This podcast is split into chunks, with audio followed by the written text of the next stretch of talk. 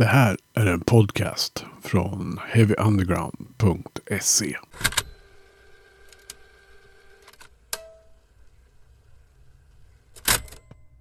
Heavy Undergrounds podcast bjuder på dödsmetall den här gången. Jag heter Magnus Tannegren. Eh, tack för att du lyssnar eh, på Heavy Undergrounds podcast som kommer från heavyunderground.se. Eh, den här gången så blir det som sagt lite death metal med Imperishable. Eh, och min eh, vän och kollega Svempa Alving har begett sig till Jakobsberg för att intervjua bandet innan spelningen på Fredagsmangel. Så, jag ska inte dra ut på det här. Uh, Heavy Underground bjuder på Imperishable. Ha en trevlig lyssning. Ska vi för ordningens skull, eh, det kan ju faktiskt vara så, fast jag tycker att det är helt orimligt att man inte vet vilka ni är. eh, Imperishable, men eh, en kort introduktion. Vem är du?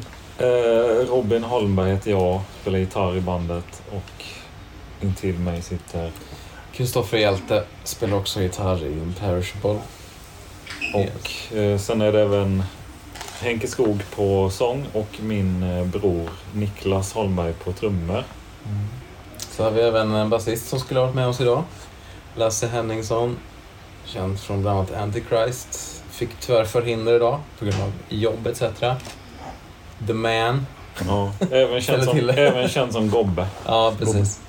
Vi har ju faktiskt gjort lite gig utan basist så det är inte så jävla chockerande för oss. Nej, men nej, eh, ja, vi maxar ut ikväll och det kommer bli en svinbra show. Ja. Men hur gör man? Alltså, jag är ju inte speciellt... Jag, jag spelade i treackordspunk för mm. många jävla år sedan. Men alltså hur, hur kompenserar man bristen på bas? Alltså... Det, är med, det är med skills. nej, nej, men det... Nej, men det är verkligen... Eh, för att göra en, en, en lång historia kort så är det... Inom just dödsmetall så är det väl kanske... Det kanske är den mest förlåtande genren vad gäller bortfall av basist. För att, menar, skulle du... Skulle du skulle basisten bli sjuk i ett funkband eller i ett jazz, en jazztrio eller vad fan som helst. Det, det, det funkar ju liksom inte. Men, Tänk eh, Sly and the Family Stone utan, mm, utan bas. bas ja. Eller George Clinton. Eller ja, då ställer man in Earth, Wind and Fire. Ja. Det funkar inte. Mm. Uh, Doesn't funk man. Och jag menar, vad fan. Alltså, nu vill vi ju vara en five piece med basist. Men Det är så här, man, stäm, man stämmer ner i gitarrerna så jävla mycket i den här genren så att du är nere i basregister ja, egentligen. Bara det. Om man ska snacka liksom F-klav, men vi är nere liksom i där bastonerna egentligen befinner sig. Mm. Så att det är bara att vi saknar en oktav lägre under det, men när man står och kollar på det här live, vi har ju sett liveupptagningar och lyssnat på det vi har kört hittills. Liksom.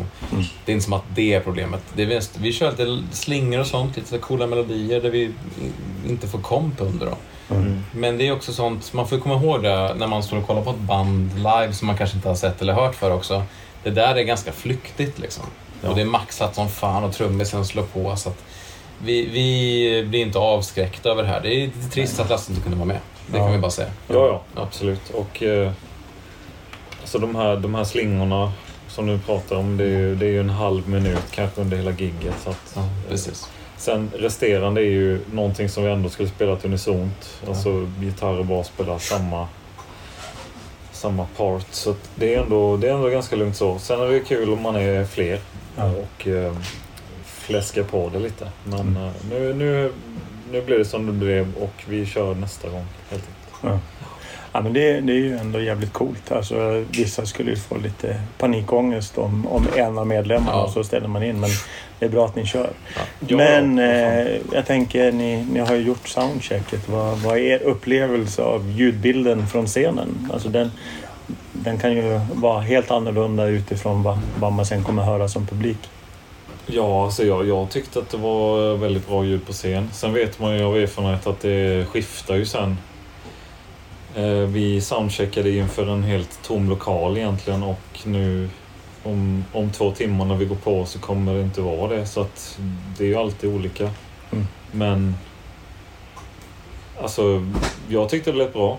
Uh, tight ljud. Uh, bra ljudtekniker. Ja, uh, jag tänker också när man, man bara går in och tittar i lokalen.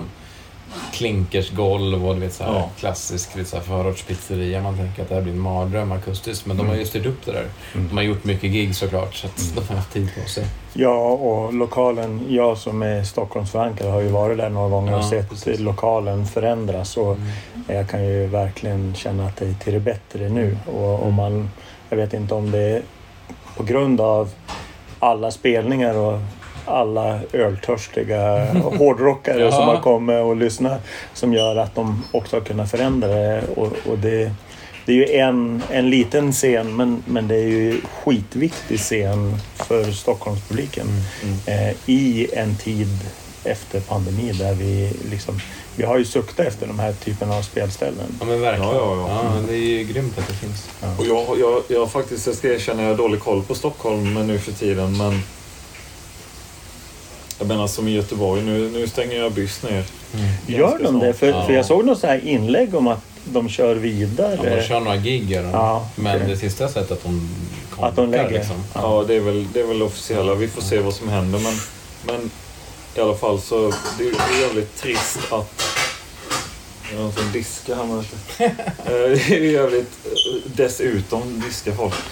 Eh, Det, Det, var virveln han testade Ja, nere på spelstället. Saint Ang. Saint Anger-virveln. Här kom det. Den måste ju tas upp i varenda Ja, ja. Ja. Ja. Nej, men Eh, ja.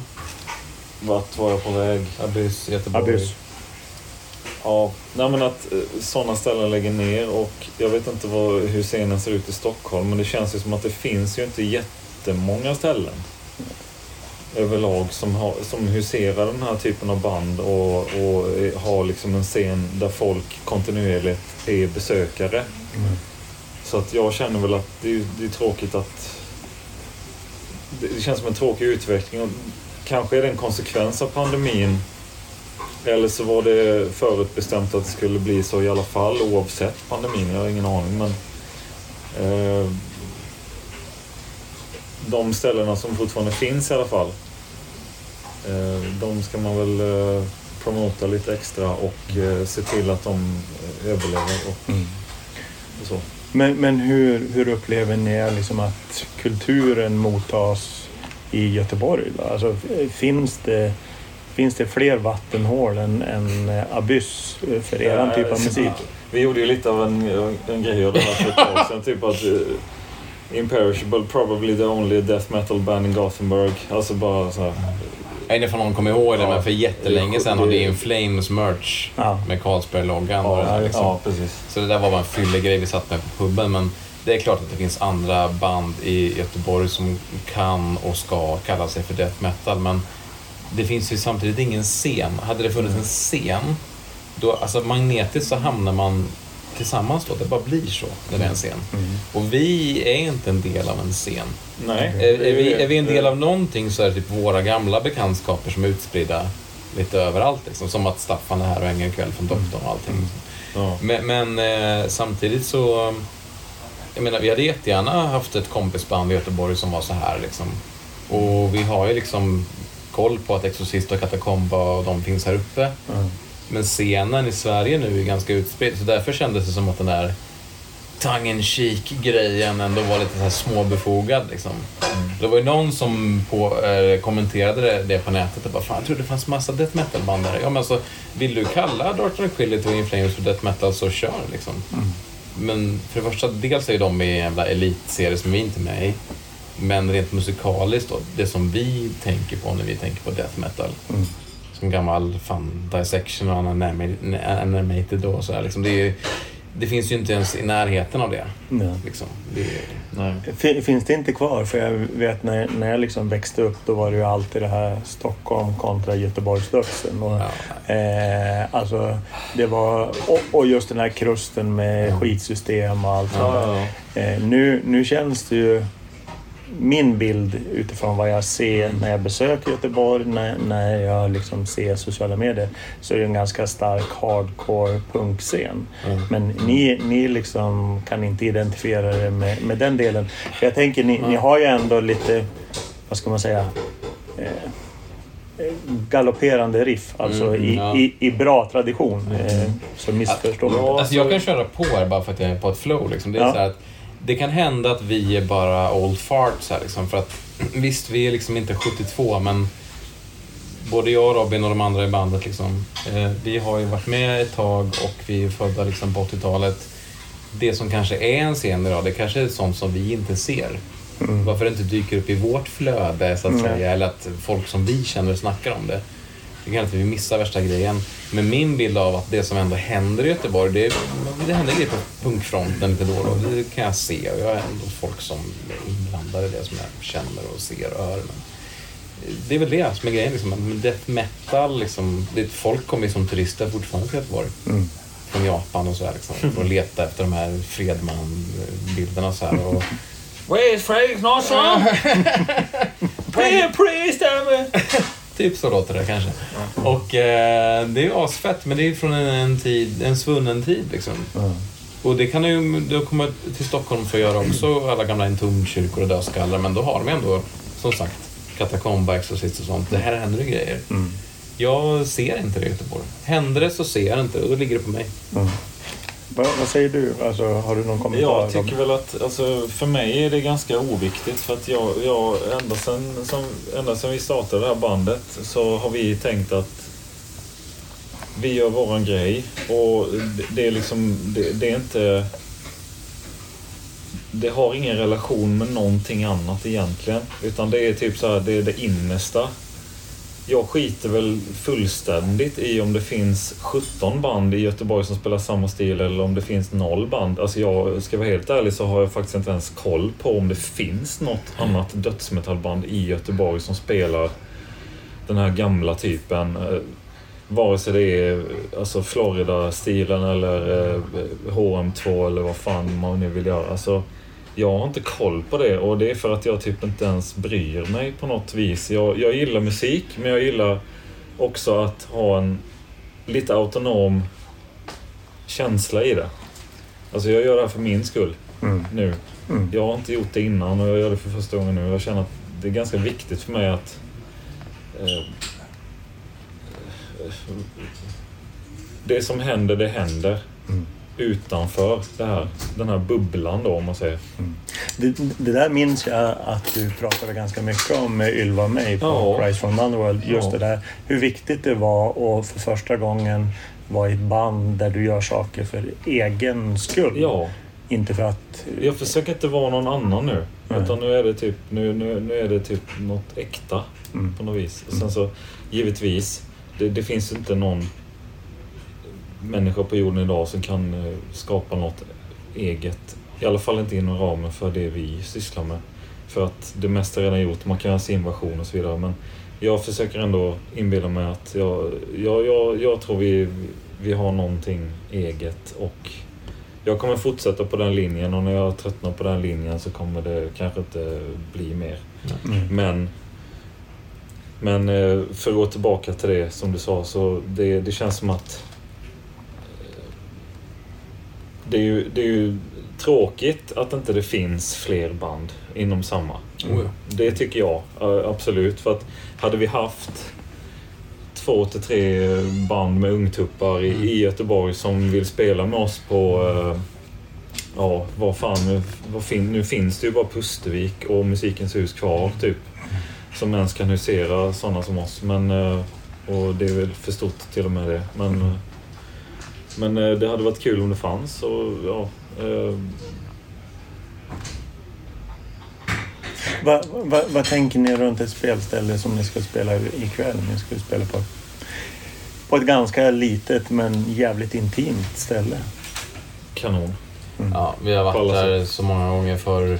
Ja, det- I- Och det, det känns som hemma liksom. Ja, men, Ja. men alltså, det är ju det är någonting med det. Man tröttnar ju aldrig på det. Det är ju därför vi fortfarande gör det här. Typ alla har ju barn och familjer och jobb och skit. Men vi åker ändå liksom så här, Vi sitter i en minibuss till, till Stockholm i fem timmar. Eh, för att göra det här. För att spela för kanske 50 personer.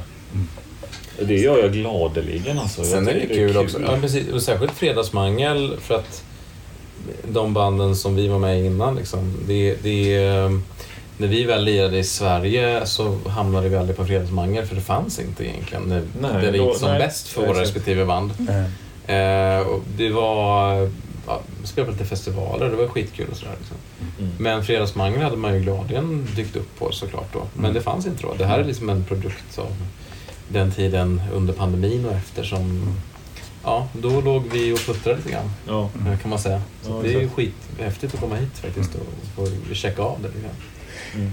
Men, men för de som kanske inte har lyssnat på Comes with Death, alltså vilka musikaliska, musikaliska ingredienser lägger ni till? För det minner ju om, om fornstora dagar, men det, det finns ju, jag, jag som har lyssnat ganska frekvent på er känner ju att det finns någonting unikt också som andra band saknar. Mm.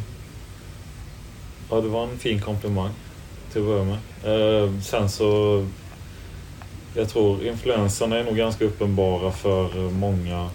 Det är klart att eh, Metallica kommer alltid finnas där. Maiden, Rush, Death, Morbid Angel och så vidare. En Tomb Dismember givetvis. Mm. Alltså, men om vi säger så här, när jag, när jag har haft band tidigare så har jag försökt kopiera någon annan. I grund och botten. Mm. Nu har jag mer försökt hitta vad, vad, vad, är det för melodispråk som jag gillar själv. Mm. Och då kommer ju mycket av det från filmmusik eller från klassisk musik egentligen. Och sen så omvandlar jag det till, till riff. Alltså det låter ju jävligt pretto men det, det är ju typ så det funkar och det är inte så att jag sitter och analyserar Bach och grejer och, och lägger in så här, ja nu måste det vara en eh, flat six där. Utan nu är det, nu är det liksom så här, det är bara... Jag skriver inte riff på gitarren, jag skriver ett riff i huvudet och sen så plockar jag ut det. Mm. Så det, blir, det kommer ju inifrån huvudet, det kommer inte från någon jävla skalövning eller... Utan jag, jag hittar på grejer i huvudet och sen så plockar jag ut det. Det är så jag har gjort den här skivan. Mm. Och det, det kommer förhoppningsvis fortsätta så. Men mm.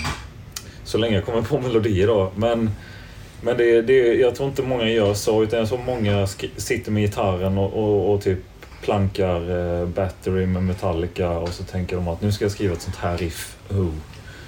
För så har jag också gjort innan. Men nu tänker jag att det ska, det ska komma inifrån och ut. Det är mm. då det blir bäst. Mm. Och det känner jag i alla fall, att det har blivit bäst när jag har gjort så nu. Och mm. jag tror det funkar. Det är en eh, sjukt... Eh, alltså det, det, det är fan, jag, jag har aldrig pysslat med yoga eller mindfulness eller sånt. Men det är, det är en jävligt innerlig mm. upplevelse som man typ...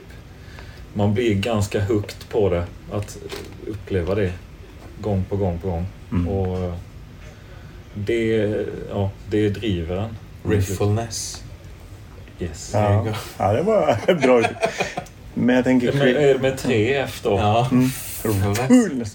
Men, men du Chris, hur, hur ser du på, på Robin som eh, låtskapare? Eller liksom hur, hur, hur det Ja, nej, jag har verkligen fått eh, anledning att reflektera över det just eftersom jag fick eh, frågan om att börja lira med dem och eh, sätta mig in i musiken då. Liksom.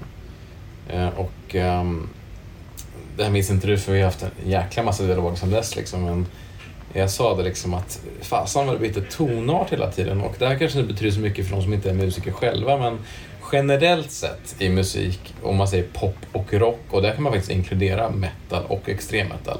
Ta Metallica som ett exempel. Man pratar om att, liksom, att ett E då i det här fallet liksom, ligger som en generell tonart emellan alla mm. låtar och så modulerar man kring det. Liksom. Du byter någon ton här och där i drift då. Men här så byter det faktiskt tonart så du kan liksom inte ha en lös sträng som ligger i grunden för allting.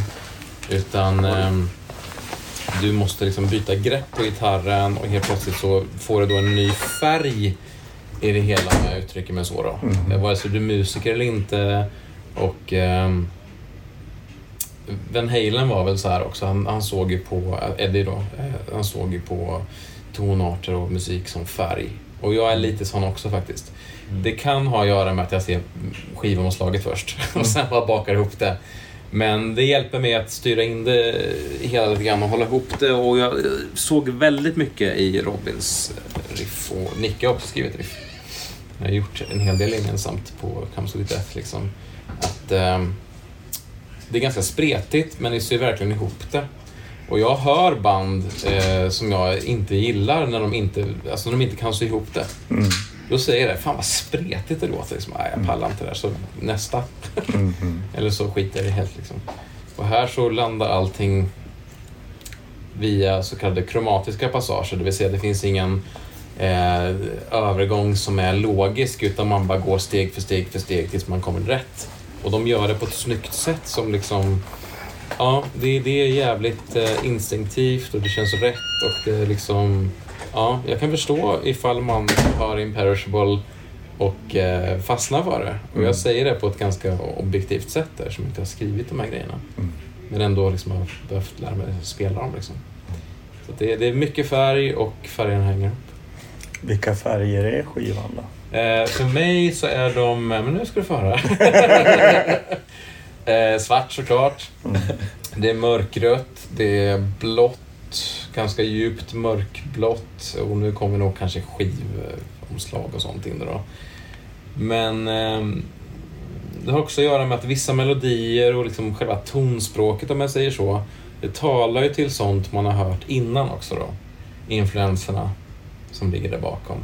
Say Dismember eller Edge of Sanity eller någonting. Liksom. Tänker man på deras skivomslag Sverige säkert. Mm. Så att det där är ju ytterst subjektivt men ja, det, det, det är dramatiskt. Och vilka färger man som lyssnare tänker på så ja, då är det rätt. Jag älskar ju orange och det finns mycket orange i den. Ja. Om, om, om, om man, jag har aldrig tänkt i de termerna men när, när du börjar prata Mm. var jag fan, vad, vad tänker jag själv för färg? Ja. Det kallas för Ja, synestesi det där. Aha. Eh, ifall man verkligen ser på det så. Och jag började ju som eh, bildestet innan jag verkligen gick in för att spela musik. Mm.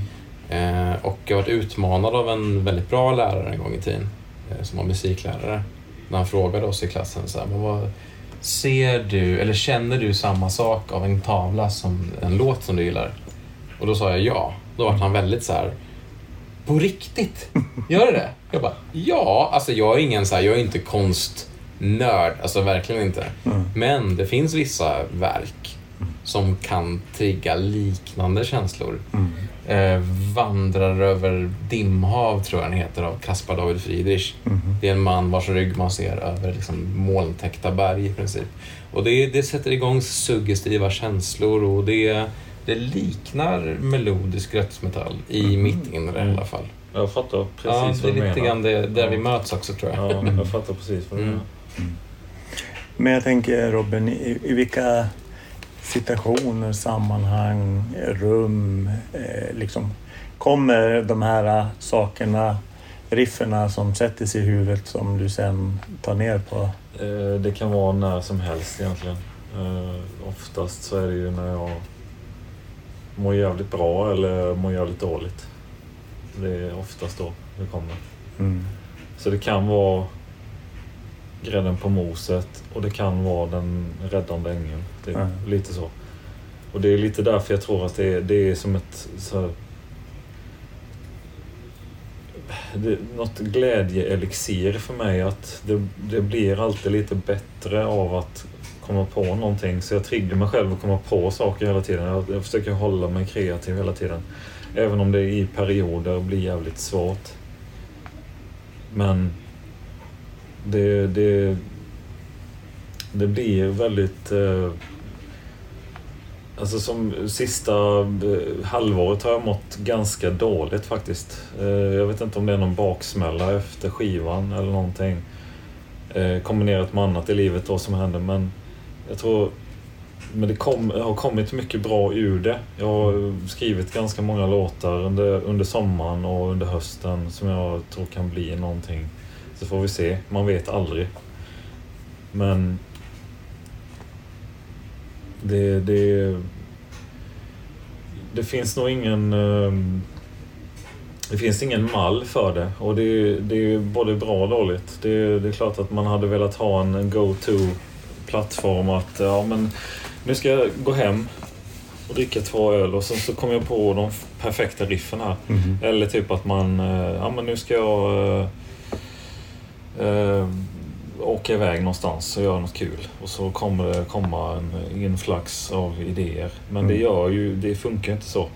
det är väldigt, väldigt, väldigt sporadiskt allting. Så och flyktigt. Det, och det, fan, alltså spelar man inte in en idé när man får den så Mm. försvinner den. Mm. Det, det, det är bara...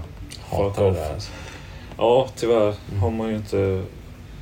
Men tack och lov för dagens teknologi med, med, med telefoner och sånt som alltid har. Men, men det är så du gör liksom, när det dyker upp någonting så försöker du få ner det. Ja, ja, då gör jag röstmemo. Aha. Och så, så nynnar jag in skiten och sen så eh, gör jag ett riff av det sen. Eller melodi eller sol. Det kan vara vad som helst. Eh, Och ofta så kan det vara typ att nu tänker jag att den här melodin ska bli ett riff och sen så kan, kan det kanske bli till slut så blir det ett solo på i Comes with Death. Mm. Eh, Alltså en melodi i det Mm. solot då. Så att det, det vet man aldrig och det, det byggs på och det, det utvecklas hela tiden. Så det, det är så här långtgående process som är helt... Om jag visualis visualiserar framåt, vi säger 20 år, Mm. när eh, Comes with Death är liksom en klassiker likt eh, Me- Metallica. Då, då, kommer det, då kommer det stå i hyllan där, den här boxen där du gör dina röstmemon precis som James Hetfield har liksom bara, "Wow!" alltså på, med på en Ja. box. Ja, precis, Ja. ja. så, Ja, vi får se. Eh, Jag, jag hoppas... Eller då kanske vi har övergett eh, liksom boxtänket. Då, Ja, då finns väl allt implanterat i huvudet på människor. Ett chip. Man, Ja, och så är det AI-döds och så vidare. mm. Ja, jag vet inte. Det är ju, det hade varit, det är en, det är en helt sjuk tanke det du säger där. Att man, alltså ens röstmemo då som man spelar in kanske så här 2017. Det kommer på, i någon monter på ett museum om 20 år. Det blir så här serbokratisk dödsmetall helt plötsligt på, på, på någon AI-snubbe som sitter där och bara Fan, Comes with Death, det var en riktigt jävla bra Ja. låt så här. Det är så Tioåringar får sätta sig med, med lurar och trycka på en knapp och sen går man vidare till nästa grej. Så, Mm. ja. Sen så eh, får man väl inse att det är väl Tyvärr är man ju inte Metallica. Det kommer nog inte finnas något nytt Metallica. Så att på den nivån kommer det nog aldrig komma. Så här. Men oavsett vad man gör. Men Men det kanske inte heller är en ambition. Jag tänker Nej, ut, absolut- ut, utifrån absolut att du inte. säger, sa tidigare, Nej, nej. Så, ja, men jag älskar att spela för 50 pers. ja, ja, alltså Fast- det är ju bättre än för Ja. att spela för 500. Ja. Men Definitivt. jag ska inte göra en lång grej av det, men dels på det ni sa precis här nu och det jag sa på skoj förut att min syrra ifrågasatte mig tidigare i veckan angående så vad fan håller du på med death metal-band för? Liksom, det, bara, det måste kosta massa pengar med tågresorna fram och tillbaka och ditten och datten. Mhm. Japp. Ja, man bara ja, men, alltså, ja, men vad är det som liksom driver er? Alltså, um, för att ta då Metallica som var en grej här nu i samtalet innan. Liksom, det, den där känslan av att när man är ganska liten liksom, och, och får se dem som är både mina och Robins största idoler egentligen på Year and a Half-videosarna liksom. Och du vet, de är så jävla häftiga, de har så jävla kul i studion, de har så jävla kul när de är ute och lirar. Det där lever kvar igen liksom. Så Mm. att det är ändå, för mig i alla fall, det finns ändå kvar någonstans som en drivkraft när det är som jävligast, när det är som pankast, när det är som jobbigast och man har ont i halsen, man ska resa långt och man ska frysa, man ska sova på ett hårt jävla betonggolv i Berlin och vad fan som helst. Ja. Alltså det där finns som en enorm drivkraft och det gör ändå liksom som att man kan sikta mot att fan livet kan ju vara någonting ganska häftigt ändå liksom. Eh, så Ja, och sen typ jag måste att jag- säga det. Och jag sa ju innan också att, eh, att jag inte är så här, när, i alla fall inte när jag skriver musik och när jag, eh, alltså så, att jag, jag bryr mig inte om om det finns 17 andra band och sådär men, men, men man kan ju ändå, alltså, fan nu tappade jag tråden helt. Ja, det är det. Och med de orden, Lämnar vi över till Sven Plex Pettersson. Nu fick jag så här, nu börjar jag tänka på, vad är klockan? Eh, Ska vi, ska vi gå på scen om en timme? Ja, så, så illa var det. 2036. Ja, Jag ska bara, ja, fortsätt. nej men ja, nej men alltså det, det är liksom att... Den drivkraften. Ja, men den finns ju där. Och det, på allvar, alltså det, det, man håller på med en ganska så här, dels underground men också en ganska extrem typ av musik. Det är ganska underförstått att här kommer aldrig komma in ett plus på kontot. Liksom. Och folk är så drivna av det där med pengar när man liksom Mm. interagerar med människor som inte är med i ens band. Mm. För det är ju på jobbet och det är familjen och vänner och sådär. Liksom. Och Folk i allra största välmening, de vill bara veta ifall det går bra egentligen. Det är deras sätt att fråga. Och jag har, ganska, jag har kämpat ganska mycket med det där eh, egentligen. Jag har kommit fram till det här nu, liksom, att de vill bara fråga ifall det går bra. När de ställer de där frågorna. Mm. Oj, tjänar ni pengar på det där? Mm. Egentligen tänker man att det är en ganska oförskämd fråga, särskilt för oss svenskar. Liksom. Mm. Men sen är det så här också så här jävligt, jävligt typiskt Sverige också att ja, går det bra, det vill säga tjänar ni några pengar då? Exakt. Alltså det jävla, vad fan, Mm. som du säger, vad fan, vi åker ju inte på det här för att tjäna pengar. Alltså vi, vi förlorar ju pengar varenda gång vi spelar. Mm. Alltså, Men vi vinner ju annat. Och det, Mm, ja. det kan någon som inte håller på med det här som en lifer, vare sig de är i ett band eller håller på liksom och gör liksom en, en blogg och intervjuer och allting sånt där. Liksom. Är man inte involverad i scenen, då kan man inte likställa det på samma sätt som framgång för dem. Liksom. Mm. Men vad förklara. vad- vad är framgång för er? Alltså, om, om ni ska försöka konkretisera det. Alltså på något sätt så är det ju någon form av erkännande. Alltså, jag, jag har verkligen försökt att, att tänka på detta och analysera det. Vad, vad är det egentligen jag vill? För att om jag bara hade skrivit musik för mig själv, som jag då vill påstå att jag gör, så hade jag ju inte överhuvudtaget släppt det här ju. Så att någonstans så får man ju inse att jag vill ju att andra ska tycka om det. Att andra ska också inse att kolla vad jag kom på här. Fatta vad fett det här är. Alltså det, det, är ju, det är ju någonstans där det hamnar. Och, och, sen vet jag inte vilken utsträckning man är den här bekräftelsehoran då. Jag, jag vet inte faktiskt. Men någonstans så är man ju det. Jag tror alla i dagens samhälle är det på något sätt eller annat. Jag tycker inte det är konstigt. Men säg att du hade Nej, upplevt nej. som så här, i din ensamhet stått och liksom eh, kickat en boll mot en vägg. Helt utan någon att spela med. Mm. Det är klart att du någon gång skulle vilja att någon som du har sett på TV som är en elitspelare kommer förbi och säger Fan vad duktig du är på att sp- att sparka liksom. Eller eh, klart och klart, men för mig är det så. Det är kanske är mitt svar på frågan då. Mhm. Eh, bekräftelsen. Absolut. Mm. Den, den är värd alltså- mer än pengar och det här är, det kan ju låta som ett jävla ego då, men absolut, jag har ett ego och har man inte ett ego då, då tror jag inte att man är så mycket egentligen. Nej. Fan, är du helt egobefriad? Antingen är du väl någon slags munk i ett kloster i Himalaya då. Eller så är du en person som inte har så mycket att um, tyvärr tillföra då. Mm. Mer än att du kanske betalar skatt. Jag är ganska harsh nu men Mm. fan, det, livet är nu och um, fan, kräks ur dig allt du har att ge liksom. Mm. Men eh, jag tänker inför kvällen. Hur, hur, har ni, hur bygger ni setlisten för ikväll då? Det var ganska spontant skulle jag vilja säga. Det vi har känt är väl att vi körde ju skivan eh, som den är Mm. eh, på de första två spelningarna. Mm. Och det var först på Abyss i Göteborg och sen i Kalmar på eh, Metal Theatre. Sen kände vi att eh, vi kan ju behålla eh, de två eh, spelningarna som är unika för att vi körde hela skivan. Och sen så testade vi lite annat på Abyss när vi körde Förband till Black Curse i augusti. Och denna gången kände vi att ska vi köra hela skivan? Ja, vi kan ju göra det men vi, sen testade vi att kasta om låtarna lite och eh, kan nog funka bra också. Mm. Så det, det är lite experiment så här. Men eh, vi får se.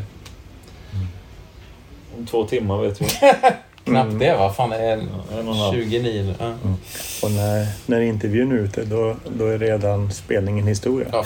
Vad vad är, vad är nästa, nästa gig eller vad, vad händer med... Jag, jag som musiknörd blir ju lite nyfiken. De här nya låtarna som du har skrivit. Ja. Eh, vad, när, när, när får vi avnjuta dem?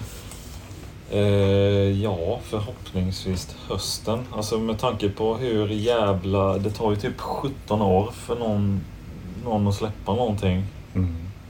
Och då menar jag inte att artisten i fråga tar tid, utan det är ju allt annat som tar tid. Mm. För att ja, vi hade kunnat släppa fyra låtar idag. Mm. Det är bara det att det ska vara den här kedjan av att då ska man spela in det. Sen ska man skicka det till ett bolag som sen ska förbereda det och sen ska det släppas. Så det tar ju, det tar ju en evighet. Mm. Comes with Death är ju redan över ett år gammal och den eh, släpptes för ett halvår sedan. Mm. Det är också det där också. Ifall man eh, släpper ny musik nu och, och, och sådär, va, det- då, då, då ska du köra de låtarna live och hoppas att de lever vidare online numera. Men Mm. man bryr sig om grejerna. Man bryr sig om Ja, låtarna. Och det. det känns jävla trist ifall det går fem månader men det händer inte så mycket. Så bara, fan, de här låtarna är typ döda nu eller? Mm. För man har sin jätte... Alltså tunnelseendet är enormt. Ja, jag, har redan, jag har redan tänkt att nu är det... Nu har det gått snart ett halvår sedan den släpptes. Nu, nu är det för sent. Mm. Nu måste vi på nästa. För att sånt är tempot idag. Att Mm. du måste hela tiden uppdatera det med nytt. Mm. Alltså folk, folks, folks eh, uppfattning nu för tiden så här, eh, koncentrationsförmåga är ju typ fem sekunder. Det är Mm. som en jävla guldfisk. Mm. Här, det är väl reelsen och allting, eh, sociala medier. Det är ju så här, Det Ja, det- det- det var kul, men nästa, Mm. men nästa, men nästa. Själv, alltså när jag, när jag var tonåring så köpte jag ju skivor från Ginsa och sånt. Liksom så här. Beställde en skiva från en katalog som jag hade fysiskt. Mm. Skickade in en talong på baksidan av den katalogen på posten. Fick vänta på posten, så fick tillbaks det. Och sen satt man ju och lyssnade på den skivan i... Fan, alltså spel- beställde man ju inte bara en skiva, men säg att man beställde tre skivor då. Mm. För den veckopengen man hade då. Så då hade man ju så här... Vi snackar ju sex veckors tid av tre plattor man hade. Mm. Alltså, säg en ungdom idag som lyssnar på bara tre skivor i, i sex veckors tid. Det finns ju inte. Nej, nej. nej. Och, och jag menar just den där reelsen som du säger, sociala medier. Mm. Det, det är ju liksom vad, vad vi gjorde. Vi, stod och bläddrade. Mm. Ja. Hela liksom den här jakten. Alltså, för mig var det en kick. Liksom, att här, kommer jag hitta den här skivan Mm. jag inte visste att jag sökte i skivbacken? Ja, men ja. Men, men Ja. nu, nu ser jag liksom någon som fladdrar förbi. Bara, Ja, fan det där lät ju bra. Jag lägger in det på en spellista. Men, men jag kommer... Ja, jag är ju en jävla dinosaur för jag kommer ju alltid vilja liksom köpa den här fysiska. Ja. Och folk bara skrattar. Vad fan, du har ju så att du kan ha i telefonen. Men, Ja. men det är inte samma sak. nej. Att, att, att få sitta liksom och kolla på skivan, vända på den, känna liksom Ja. doften Ja. av, av eh, vinylen. Att liksom höra det liksom för första gången. Att liksom Ja, känna ja. den där Ja, men genuina det, det, känslan. det finns ju inte på... Man kan inte få allt på nätet. Nej. Så är det. Nej, och nu, nu blir man ju snarare förbannad för att man hittar inte musiken på nätet innan. Jag menar när, när jag växte upp, ja, i bästa fall, jag hade ju en skitdålig skivaffär. Alltså de var specialister på dansband. Mm. Eh, jag, jag beställde AC/DC men fick Paul Young för det var något liknande. liksom, den, den är intressant. Ja, den kan vara. Men, men som avslutning, eh, alltså eran skiva Comes With Death. Eh, den betyder mycket. Den betyder jättemycket. Tack. Den är, alltså, man, man, man kan prata om att det, det är ju en, en, ett tidsdokument från någonting som jag växte upp med. Alltså den dödsmetall som jag kom att älska. Men det är också någonting jävligt unikt och någonting som är väldigt skarpt och Mm. någonting som är väldigt äkta. Eh, som man verkligen känner så här. Jag jag känner ganska ofta om jag sitter på skithuset och lyssnar på er eller om jag åker tunnelbana på väg till jobbet så kan jag titta ut genom och bara Fan, det här är riktigt jävla hög klass. Mm. Mm. Come sweet life. Come sweet life, come sweet death. Ja. Eh, det, Ja, det, fan. Yin och yang. Ja. Ja, men jag, jag blir såklart jät, jätteglad att höra detta. Fan, det, jag blir lite rörd nästan. Det, det får det bli. Grymt att du ska köra skiten live om du stämmer. Ja. ja, det, Och som jag sa, come sweet death. På min begravning kommer den finnas. det, shit, det är stort alltså. Och där tror jag jag tackar er. Ja, Det var en fin stund med er. Tack snälla. Du har lyssnat på en podcast från heavyunderground.se. Jag som säger det heter Magnus Tannegren och är den som producerar och intervjuar i den här podcasten. Vill du veta mer om det här avsnittet eller om podcasten i allmänhet? Besök heavyunderground.se Eller leta upp oss på de sociala kanalerna på Facebook och Instagram. Tack för att just du har lyssnat. Hey, I met you. You are not cool. I know. Even when I thought I was, I knew I wasn't. Because we are uncool. I'm glad you were home. I'm always home. I'm uncool. Me too. You're doing great. You know, the only true currency in this bankrupt world is what you share with someone else when you're